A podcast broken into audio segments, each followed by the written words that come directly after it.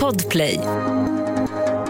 Hej, du ska vara varmt välkommen till ett nytt avsnitt av podden Snutsnack. Stort tack till dig för att du lyssnar. Idag heter min gäst Filippo. Jag hade förmånen att få hälsa på hemma hos honom och sitta och intervjua honom ute i hans trädgård faktiskt. Det var synnerligen trevligt. En varm sommardag 2022. Du kommer få höra om fyra dagar i Filippos polisiära liv som stack ut och eh, jag förstår att de gjorde det. I Patreon-avsnittet så hör vi om ett ingripande där Filippo menade att han hade ungefär initiativförmåga 10 och omdöme 0. Han tyckte inte att han gjorde ett bra ingripande och du som är Patreon kan ju bedöma själv om det, om det stämmer eller inte. Vill du bli Patreon så gör du det på, Eh, blir du det på patreon.com snutsnack. Vi finns såklart på Instagram och Facebook också. Ja, nu hoppas jag att den här sommaren 2022 blir riktigt, riktigt härlig, att du är försiktig där ute och att du får en trevlig lyssning. 1310 570 kom. 1310 Odengatan kom. Ja, det är uppfattat. Vi tar det. Slut. Varmt välkommen till Snutsnack eh, Filippo. Tack! Eller jag egentligen som ska säga tack. Jag har ju blivit inbjuden till ditt hem här. Vi sitter i en ja, närförort till Stockholm kan vi säga. Absolut. Jättetrevligt. Jaha, här, här huserar du när du inte jobbar som polis? Absolut. Här huserar jag och återhämtar mig och samlar kraft för varje pass. Så att eh, vi trivs jättebra här. Ja. Kanoners. Nära natur, nära storstad. Hur länge, Klockrent. hur länge har du jobbat som polis nu? Ja, det är drygt 30 år. Ja, det Så jag var här i, i höstas fick jag medalj av eh, Mats Löving. Så det Ah, var okej. på Stadshuset. Jättespännande. Det var ju som en milstolpe i karriären. Ja, men jag förstår Så det var kul. Och då var jag stolt faktiskt. Det Ja, var, det var en det, stor grej för mig. Ja. Det var det. Ja, du, du ska vara stolt över fler grejer för du har blivit varmt rekommenderad som gäst eh, till den här podden också. Som en, ja, som en, att du är en väldigt god kollega, jag citerar. Oh, wow, tack. Nu blir jag rörd. Vad, vad sitter du på för tjänst idag? Nu är jag stationsbefäl sedan ett gäng år tillbaka i Stockholm Syd. Jobbar i Flemingsberg och trivs suveränt bra med det jobbet. Jobbar treskift. Eh, många frågar hur orkar du? Men eh, det går bra så länge man förbereder sig. Käkar bra, sover bra, försöker hålla kroppen i trim. Ha lite disciplin. Sen är vi en grupp med många äldre kollegor. Eh, så nattpassen är attraktiva. Så eh, de får vi slåss om. Alltså det är så? Ja, men det, jag trivs och jag försöker ta mina pass och jobba både dag, kväll och natt. För det Och- hör till jobbet tycker jag. Och vad, jag menar stationsbefäl, de som lyssnar nu och eh, pluggar till polis eller jobbar som poliser, de vet ju naturligtvis direkt vad ett stationsbefäl gör. Men vad är din arbetsuppgift som stationsbefäl då? Man kan enkelt säga att jag är polismästarens förlängda arm, icke kontorstid. Jag är polischef i mörktid så att säga, när inte våran polismästare, chefen för vårt polisområde är i tjänst. Då är stationsbefälet den polisen, personen som tar myndighetsbesluten, håller koll på lägesbilden. Nu har vi ju en hel del eh, problem med kriminella nätverk. Och det området jag jobbar i, då Stockholm Syd, har ju flera sådana kriminella nätverk. Eh, så att eh, det är förenklat, förenklat eh, Mm. den rollen jag har. Sen eh, är jag ansvarig för arresten och allt som kommer in där. Ja, vi hanterar en, en mängd olika myndighetsärenden eh, som kommer in till oss eh, i princip hela tiden. På min tid hette det ju vakthavande befäl. Exakt. Idag har vi ett vakthavande befäl som sitter på eh, läns eller ra- regionskommunikationscentralen inne i, på Kungsholmen. Han är ju högsta chef över så att säga den ingripande styrkan som finns ute i tjänst. Ehm, ja, de poliser man ser i uniform. Mm. Han eh, äger, eller hon äger den resursen eh, i hela Region Stockholm. Men sen har varje polisområde ett stationsbefäl. Så i Stockholm har vi fyra polisområden, fyra stationsbefäl dygnet runt i tjänst. Men jag tänker den här klassiska förmansprövningen då. Vi säger att jag kommer in då eh, som patrull, jag jobbar, vi har eh, gripit en person till Men exempel. den gör jag. Du gör den Ja. förmansprövningen? Sen har vi ju jourreferledare som gör förmansprövningar när det gäller gripet enligt rättegångsbalken. Men eh, jag är egentligen arrestansvarig så att ju, allt ska ju gå via mig sen. Eh, om det är sjukdomar, hälsotillstånd och allt det där. Så att jag måste veta vad vi får in, hur de mår, sjukdomar, mediciner. Eh, så att de mår bra och kan vistas i vår polisarrest. Så att, eh, men, men förmansprövningarna kan man förenklat säga att det gör jag. Vakthavande befäl har ingenting med det att göra. Nej.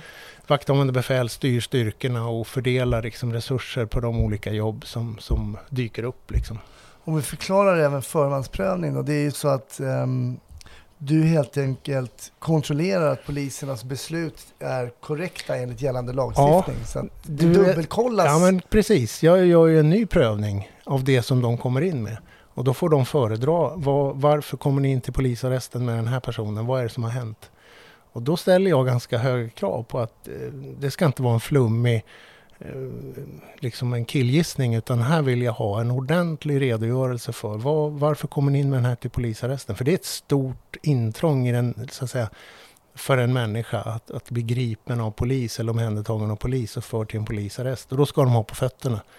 Så att eh, när de har redovisat för mig vad de så att säga har, har gjort för prövning så gör jag en ny av det de säger samt att jag pratar med personen i fråga. Så börjar jag om lite grann. Vet du varför du är här och bla bla bla. Så.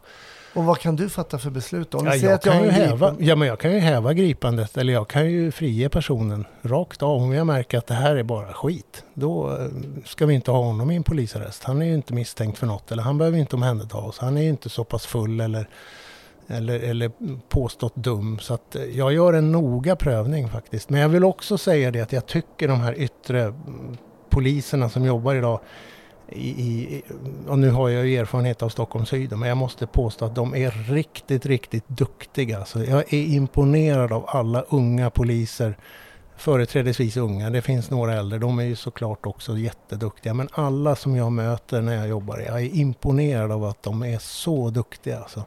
Eh, och vi har en väldigt bra stämning, kamratskap. Eh, det är duktigt, välutbildat folk vi har fått som poliser. Så att, hur ofta händer det att du häver till exempel ett gripande eller ett omhändertagande?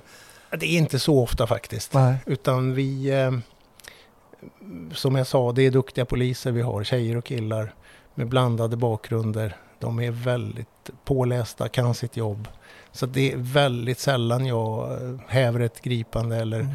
ändrar någonting. Eh, ibland kan det bli så att vi kanske får in en, en person omhändertagen för LOB, fylleri. Eh, då kanske jag styr upp den personen till ett sjukhus istället. Han kan Mm. ha skador, han kan ha tagit eh, ämnen som jag inte riktigt vet vad det är och hur han kommer att må i en polisarrest. Eh, så att då föreslår jag att vi åker upp med honom till ett sjukhus först Mm. och gör en bedömning där.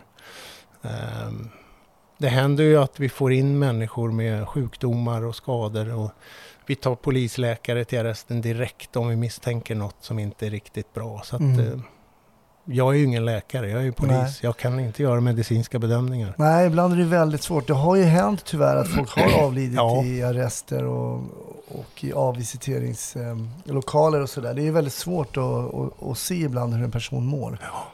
Och det där är någonting som vi jobbar med ständigt. Just arrestvakterna, jag som befäl visar arrestvakterna att det är inte ni som ska så att säga känna det ansvaret. Det är mitt ansvar. Mm. Eh, och vi, vi har kommunikation om, om de intagnas välmående för att ingen ska må dåligt mer än vanligt så att säga i en polisarrest. Så att ingen, ingen får fara illa.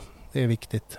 Hur kommer det sig överhuvudtaget att det blev polisyrket för dig Filippo? Ja, det där är ju en historia som är Det är det för alla. Ja, det var ju absolut inte någon mening med att jag skulle bli polis. Men det var så här, jag, jag tävlingscyklade många år på 70 och 80-talet. Ehm, och då hade vi en ordförande i spårvägen som jag cyklade för, som hette Per-Uno Hågestam. Han var ju på den tiden spanchef i Han var ju Stockholm. min spanchef Ja. på Norrmalm. Ja, han var ju en ikon inom polisen. Ja, en ja, hög chef som alla hade respekt för. Och han var vår ordförande i Spårvägen Cykel. Han var jätteintresserad av cykelsport. Så när jag deklarerade för honom och för klubben att jag skulle lägga av och cykla 88 då, 1988. Då sa han direkt, bra, nu ska du bli polis, sa han. Nej, nej, nej, det kan du glömma. Jag tänker inte bli polis. Jag kommer inte klara det. Jag är inte intresserad. Och sen så bearbetade han mig de sista månaderna med att ja, men, läs det här. Han fixade informationsmaterial han pushade mig verkligen. Till slut så tänkte jag, men det kanske inte är så dumt jobb ändå. Så att, jag hade ju liksom satsat allt på cykelsporten, så jag hade inte gått gymnasium. Jag hade ingen arbetslivserfarenhet. Jag hade ju cyklat på heltid Jaha. de sista åren. Så att eh, jag var tvungen att göra lumpen och jag var tvungen att läsa in på komvux. Så två år. Första året gjorde jag lumpen och andra året läste jag på komvux. Och sen sökte jag in och kom in såklart. Så att eh, ja, det ångrar jag verkligen inte. Nej. Men eh, tillfälligheter. ehm, så att nej, det var Per-Uno Hågestam som stöttade mig. Hågis ja. Ja. precis.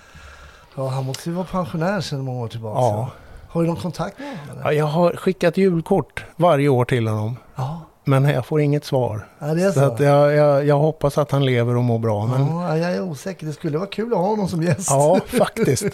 Det förstår jag. Ja, jag har haft en del eh, pensionerade poliser som gäster och eh, bland annat en som heter Sven och han berättade då, han åkte ju alltså tunnelbana i uniform fram och tillbaka till jobbet. Ja, Och folk liksom så här, god morgon konstapeln och sådär. Ja, jag hade några problem. Nej. Jag, tänker, jag kan bara fantisera med vad som skulle hända om det kom en polis liksom åkte till...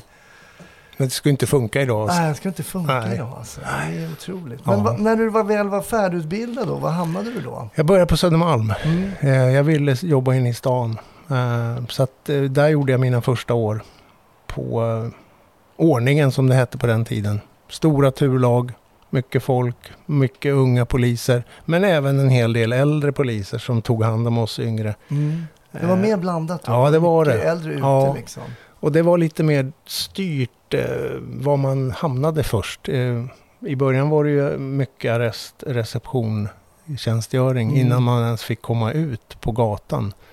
Och när man väl kom ut på gatan så eh, åkte man ju i en buss med flera poliser. Hände någon gång man fick åka liksom dubbelpatrull i en större radiobil sådär med någon äldre kollega.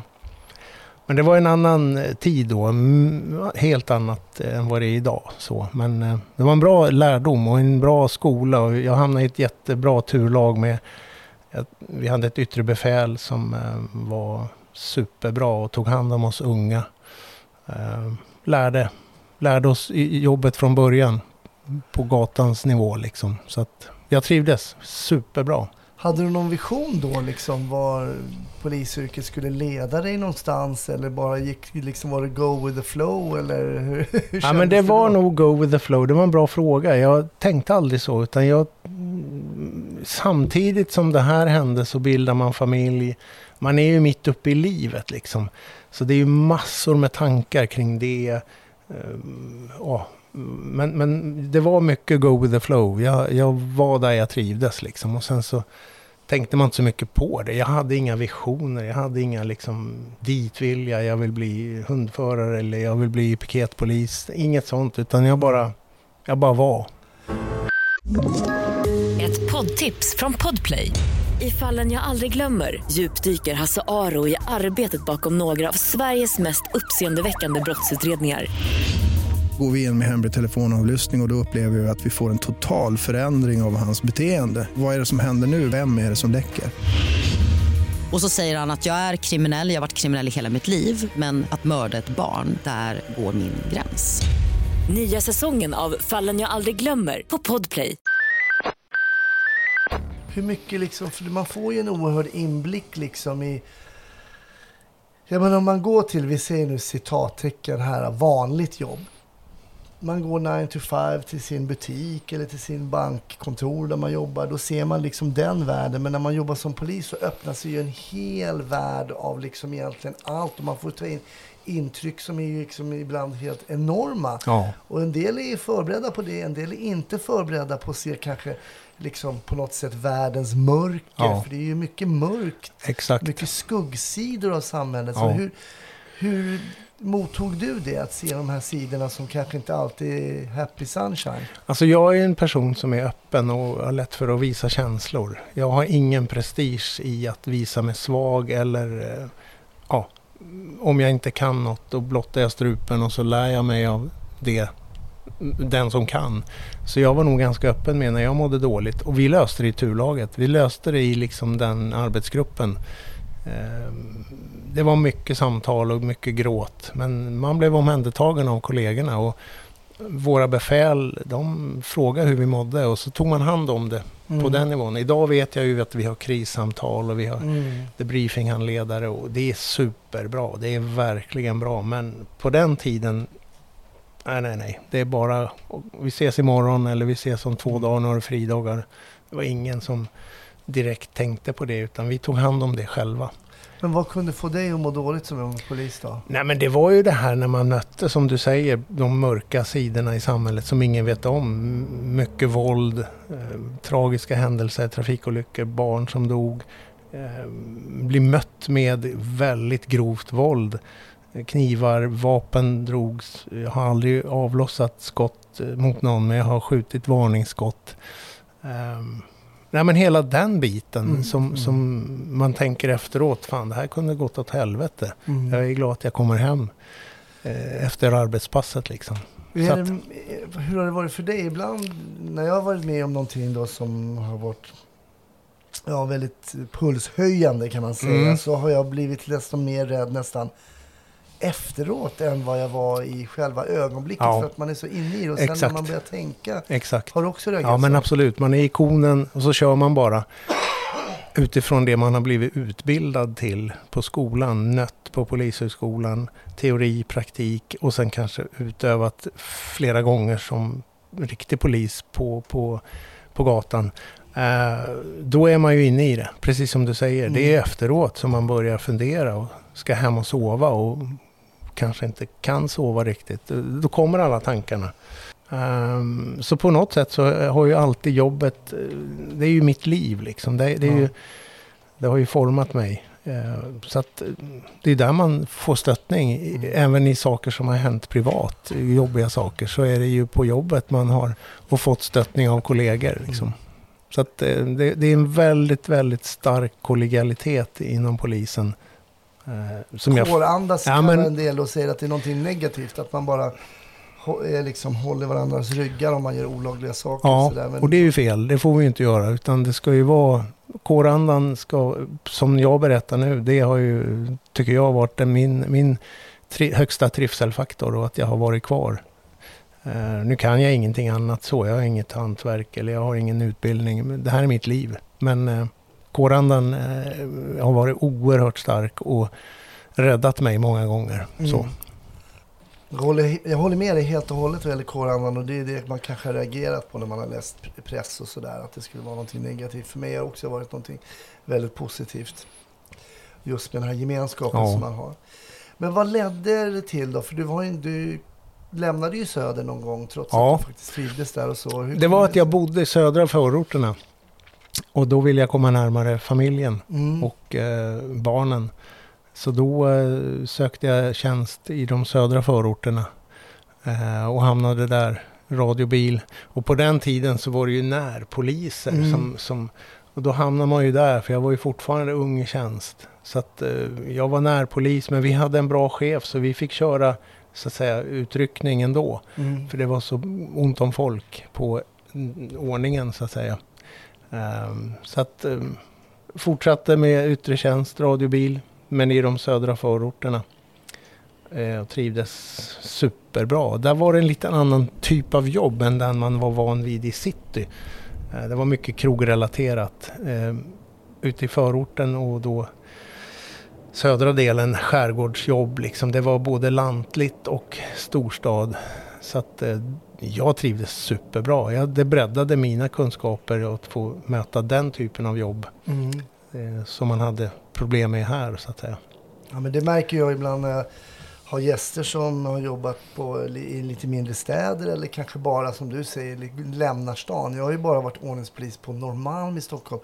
Alltså det var ju ganska... Det blev ju inte, man blev ju inte så bred i sin ordningspoliskunskap. Jag har aldrig varit på en viltolycka Nej, till exempel. nej. Så här saker. Det, var Nej. ju, det var ju väldigt, även om det var mycket omsättning på jobb och en omsättning på människor så var det ju väldigt speciellt.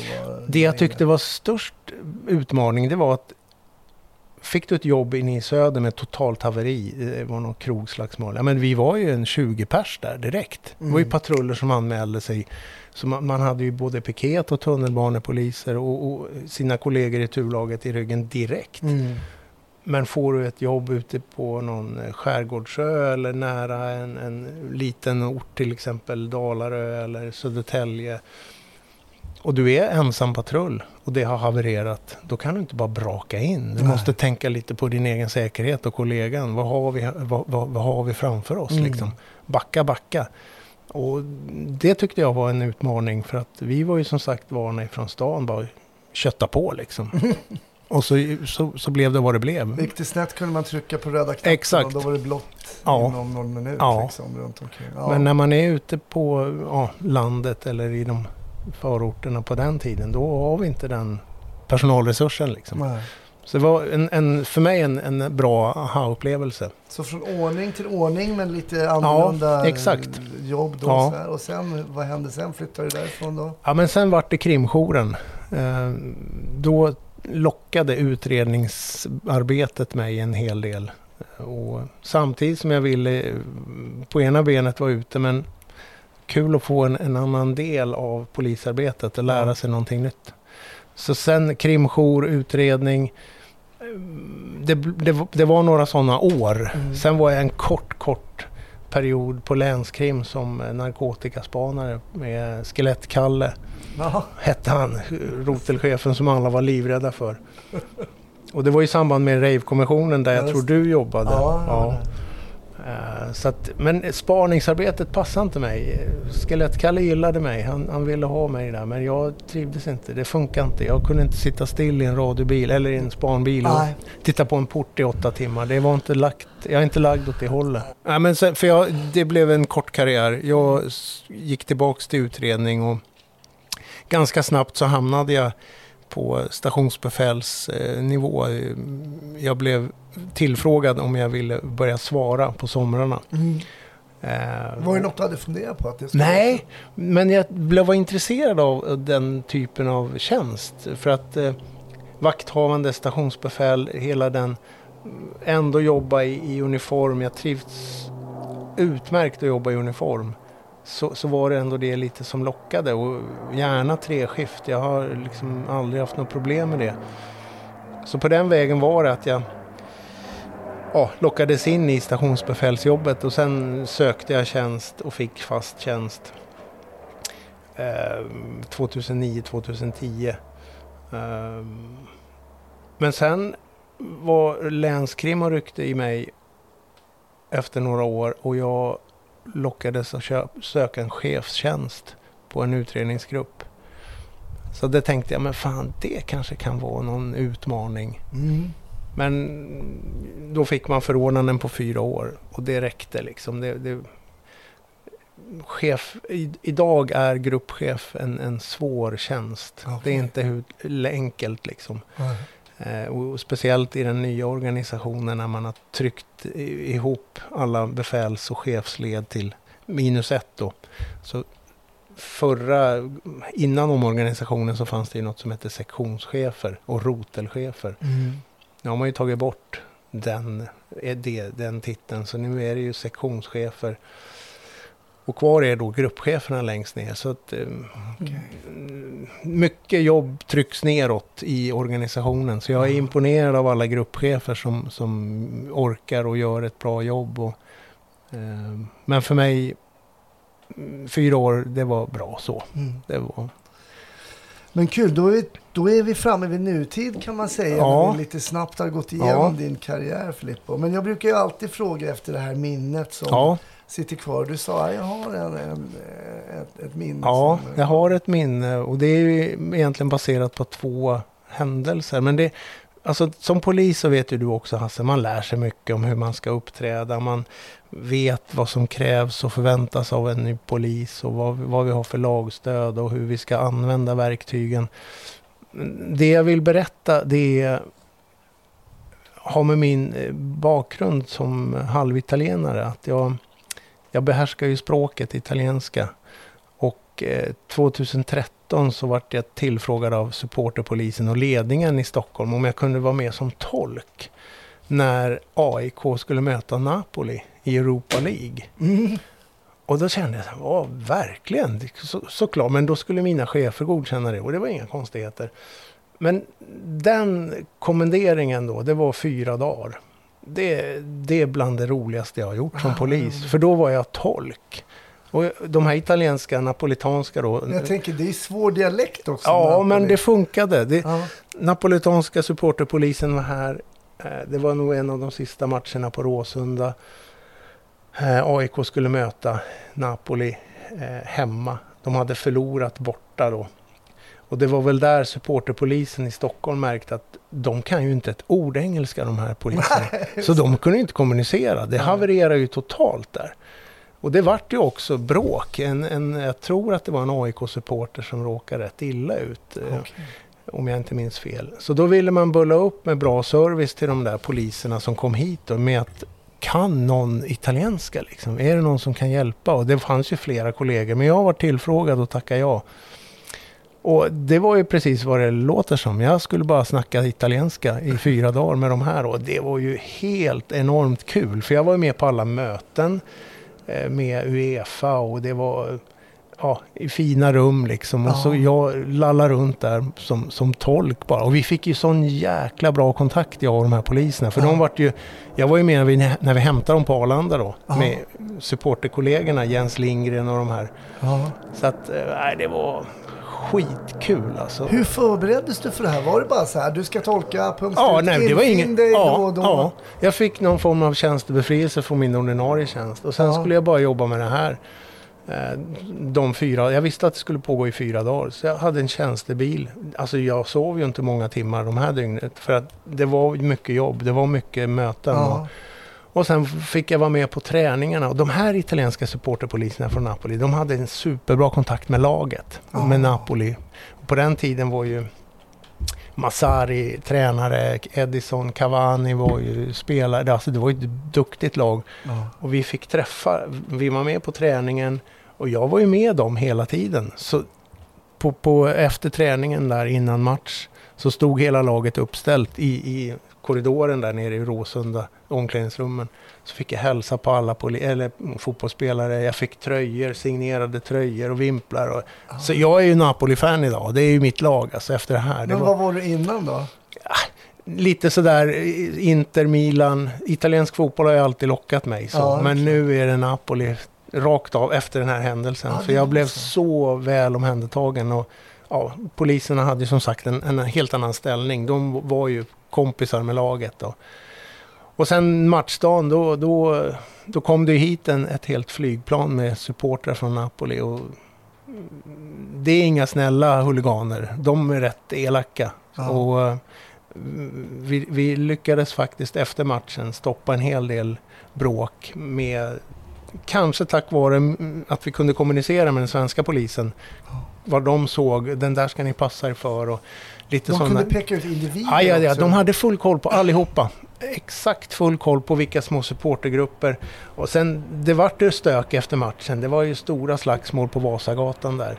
Eh, och då berättade de här italienska supporterpoliserna för mig att de där, ung, det greps ju en hel del italienare. Ja. Och de sa de här, det är en ung, um, ung supportergrupp som är extremt våldsamma. Som ska visa framfötterna mot de här äldre supporterhuliganerna. Eh, De Ah. kommer, de kommer få eh, tillträdesförbud i fem år och de har helt andra lagar och, regler mot, mot fotbollshuliganer än vad vi har i Sverige. Ja, är Så de hade direkt koll på, på de här och det kunde jag ju förmedla då till svensk polis. Så att Just det. jag tror att jag gjorde ett bra jobb. För det jag ska komma till för att avsluta det här, det var ju när Sverige mötte Italien i VM-kvalet. Ja. När eh, Sverige vann då. Mm. Och Zlatans... Eh, Ja. Så att, då var jag ju också tillfrågad om jag kunde vara med som tolk. För att det var mer för att safea och göra den nationella italienska supporterpolisen mm, på ett bra humör och visa bra service. Då vart jag tillfrågad. Det här var ju bara för några år sedan. Ja. Så då, det var ju den andra kommenderingen då när jag skulle vara med som tolk. Och då var det som sagt på den nationella nivån. Då kom det poliser från Rom, höga chefer bara. De hade inte så bra koll på de supporterna som fanns i Nej. publiken då. Men det Nej, var just mer en service från svensk polis att kunna bemöta dem med att ha en tolk. Så slapp de använda sin kanske knackiga engelska. Så att, eh, det var också en rolig kommendering och ja, träffa de poliserna på, på jag, den jag nivån. tänker, eh, nu är din, är det din farsa eller morsa? Ja, farsan. Farsan inte. Men jag tänker sådär, jag är ju halvtysk då och pratar tyska och sådär. Men om jag hade varit tolk så hade jag tänkt så här, oj, hur är min tysk, alltså min fotbollstyska? Ja, Hur är min, Ja, eh, kollade du upp fraser? nej, nej, sådär, men bara, nej, alltså det är klart att jag bryter. Det hörs att jag inte pratar perfekt italienska, men jag, jag kände liksom att jag, jag pratar på så gott det går och jag förstår ju allt. Ja, Men sen kommer man in i det. I och med att jag bodde, innan jag blev polis, så berättade jag att jag tävlingscyklade. Jag bodde i Italien i fyra år Ja. på 80-talet och ja, lärde mig liksom språket perfekt. Ja. Men, så jag var inte ett dugg orolig för att jag inte skulle göra mig förstådd. Men jag tänkte, men jag gör det bästa av situationen. Lite som poliser tänker när man står inför en svår uppgift. Mm. Jag gör det bästa av situationen, så kommer det lösa sig i alla fall. Ta det med en klackspark. Och det var ju mycket skratt och det var ju mycket... De var ju likadana liksom. Ja. Så att, nej, vi fick... Kommer du ihåg om de hade några specifika frågor kring liksom, Ja. så här, vart de förvånade över vissa saker Ja. med våran Ja, lagstiftning och det, sådär? faktiskt. De var väldigt förvånade. Framförallt nu de här... Eh, den sista, när Italien spelade mot Sverige då, så eh, ville de italienska supporterpoliserna vara med och titta när italienarna skulle få ut sina biljetter och visa legitimation. Nu kan inte jag den här lagstiftningen riktigt, men, men då menar våra supporterpoliser i Sverige, det får de inte göra. De ska inte lägga sig i vilka personer det är. De får inte titta på de legitimationshandlingarna. För att vem som helst ska få gå på fotboll i Sverige. Mm. Det har inte statsmakterna någon, någon liksom rätt att kolla varje lägg så Nej, för polisens det. Förstår du vad jag menar? Ja. Men här stod ju de inne i den här biljett... De hade ju särskilda... eh, De blev hänvisade till vissa sektioner på Friends Arena där de skulle hämta sina biljetter. Och då Mm. skulle de visa legitimation. Och då menar de på att men vi måste veta vilka som har tillträdesförbud i Italien för de ska inte få vara på den här matchen heller. Men det köpte inte svensk polis och kommenderingsledning så det där blev en ganska het fråga. Mm. Eh, vad jag förstår. Och eh, då förklarade jag bara att ni får inte vara här. Gå bort härifrån. Ni får inte... Och så försökte jag. Så till slut så gav de ju med sig. Men det irriterade dem. Okej. Och det blev eh, lite skrivet om det där mellan förbunden och mellan poliserna efteråt. Som jag tror sen är eh, utagerat. Men det var en grej som, som jag reagerade över. Som, jag visste ju inte om den. Men naturligtvis ska ju inte de få kolla.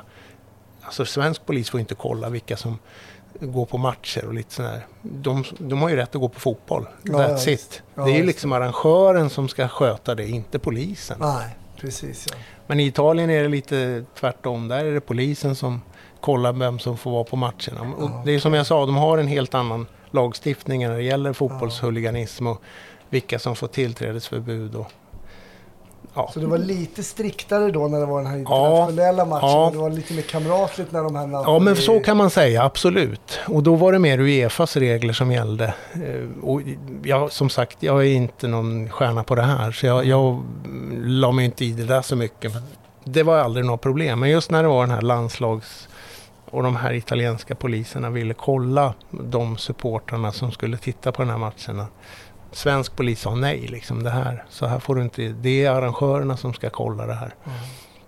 Så att, men det löste sig. Det var, Men det är intressant. det var bara att de fick acceptera den lagstiftning vi har i Sverige.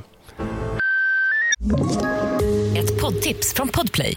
I podden Något Kaiko garanterar östgötarna Brutti och jag, Davva, dig en stor dos skratt. Där följer jag pladask för köttätandet igen. Man är lite som en jävla vampyr. Man har fått lite blodsmak och då måste man ha mer. Udda spaningar, fängslande anekdoter och en och annan arg rant. Jag måste ha mitt kaffe på morgonen för annars är jag ingen trevlig människa. Då är du ingen trevlig människa, punkt. Något Kaiko, hör du på Podplay. Därför är gardinerna.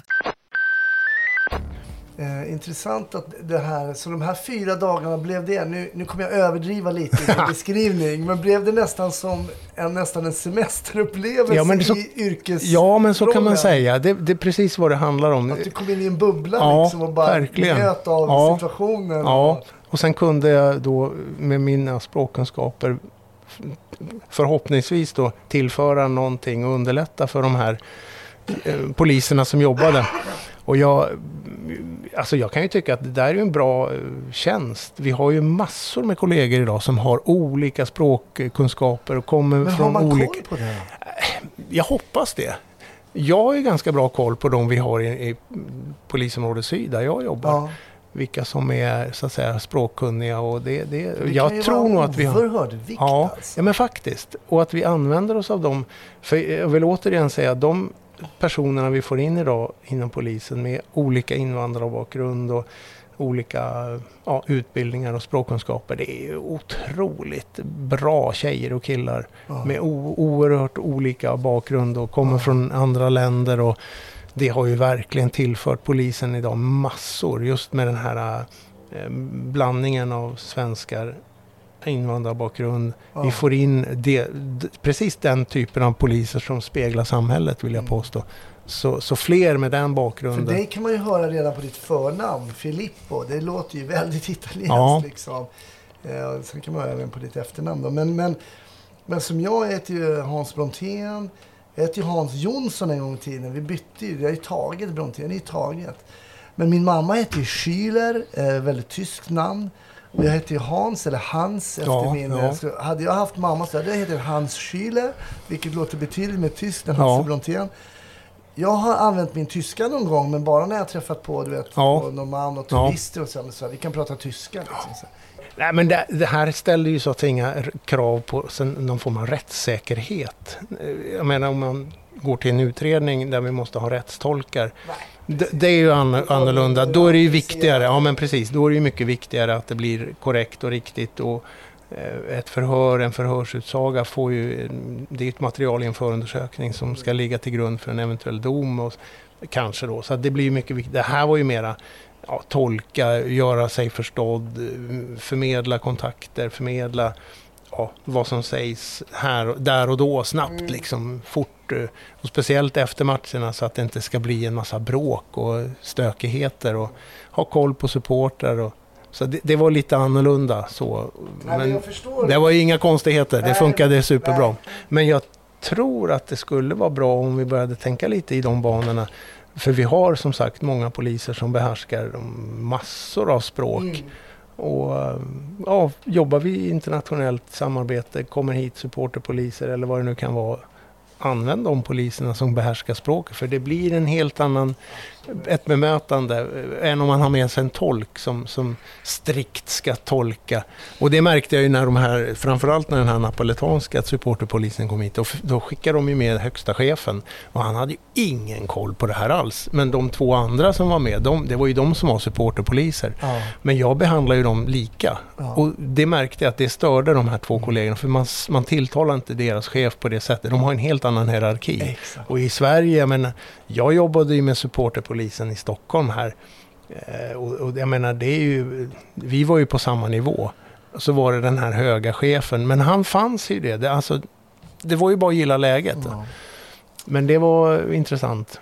Men det också, jag hade ju en, en, en gäst också som heter Björn som är, har tyska föräldrar och uppvuxen i Sverige men som jobbar som polis i Berlin. Okej. Men nu är han eventuellt tillbaka, på väg tillbaka till Sverige. Vi får se hur det blir. Då ska jag vilja ha honom som gäst igen så vi Ja. kan göra lite jämförande studior.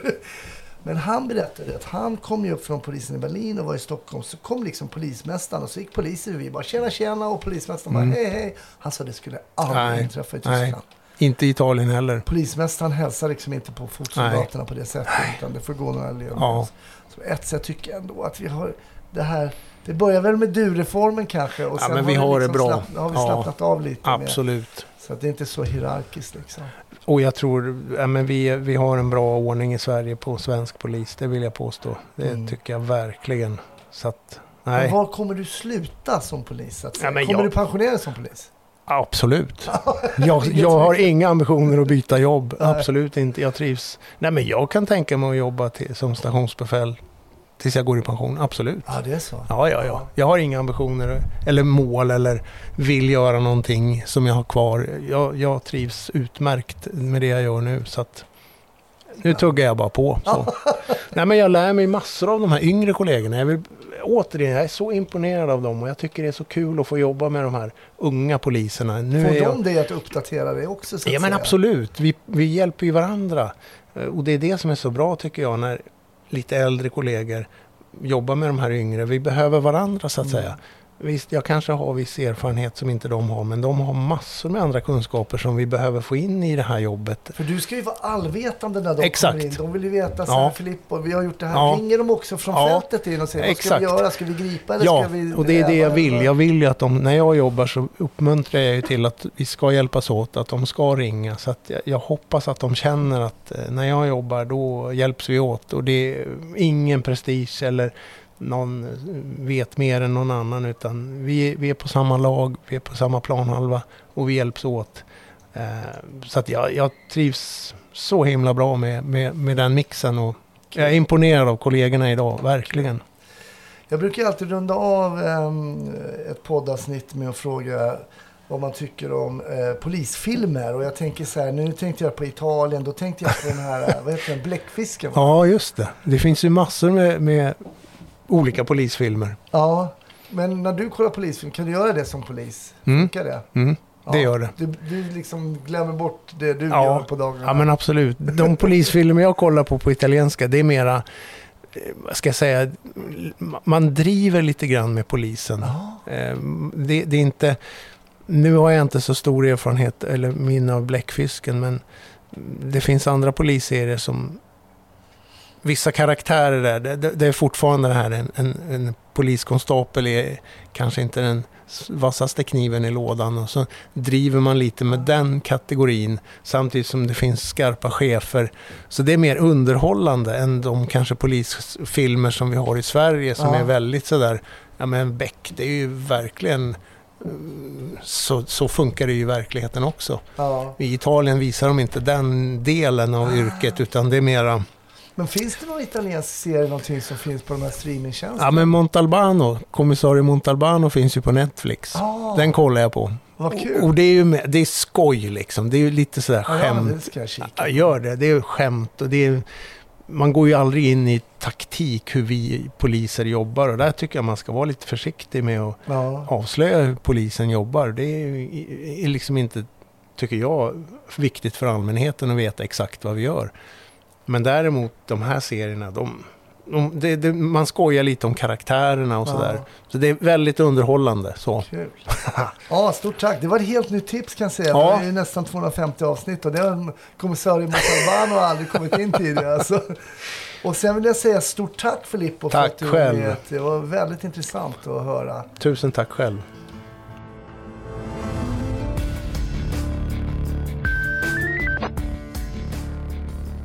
Tack för att du har lyssnat. Ja, om du vill bli Patreon så gå gärna in på patreon.com snutsnack. Annars så vet jag att det kommer ett nytt avsnitt givetvis i nästa vecka också med en ny intressant gäst.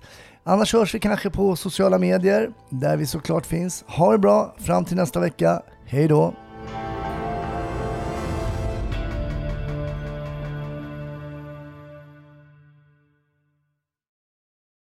you poddtips från Podplay.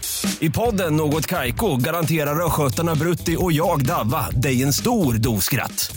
Där följer jag pladask för köttätandet igen. Man är lite som en jävla vampyr. Man har fått lite blodsmak och då måste man ha mer. Udda spaningar, fängslande anekdoter och en och annan arg rant.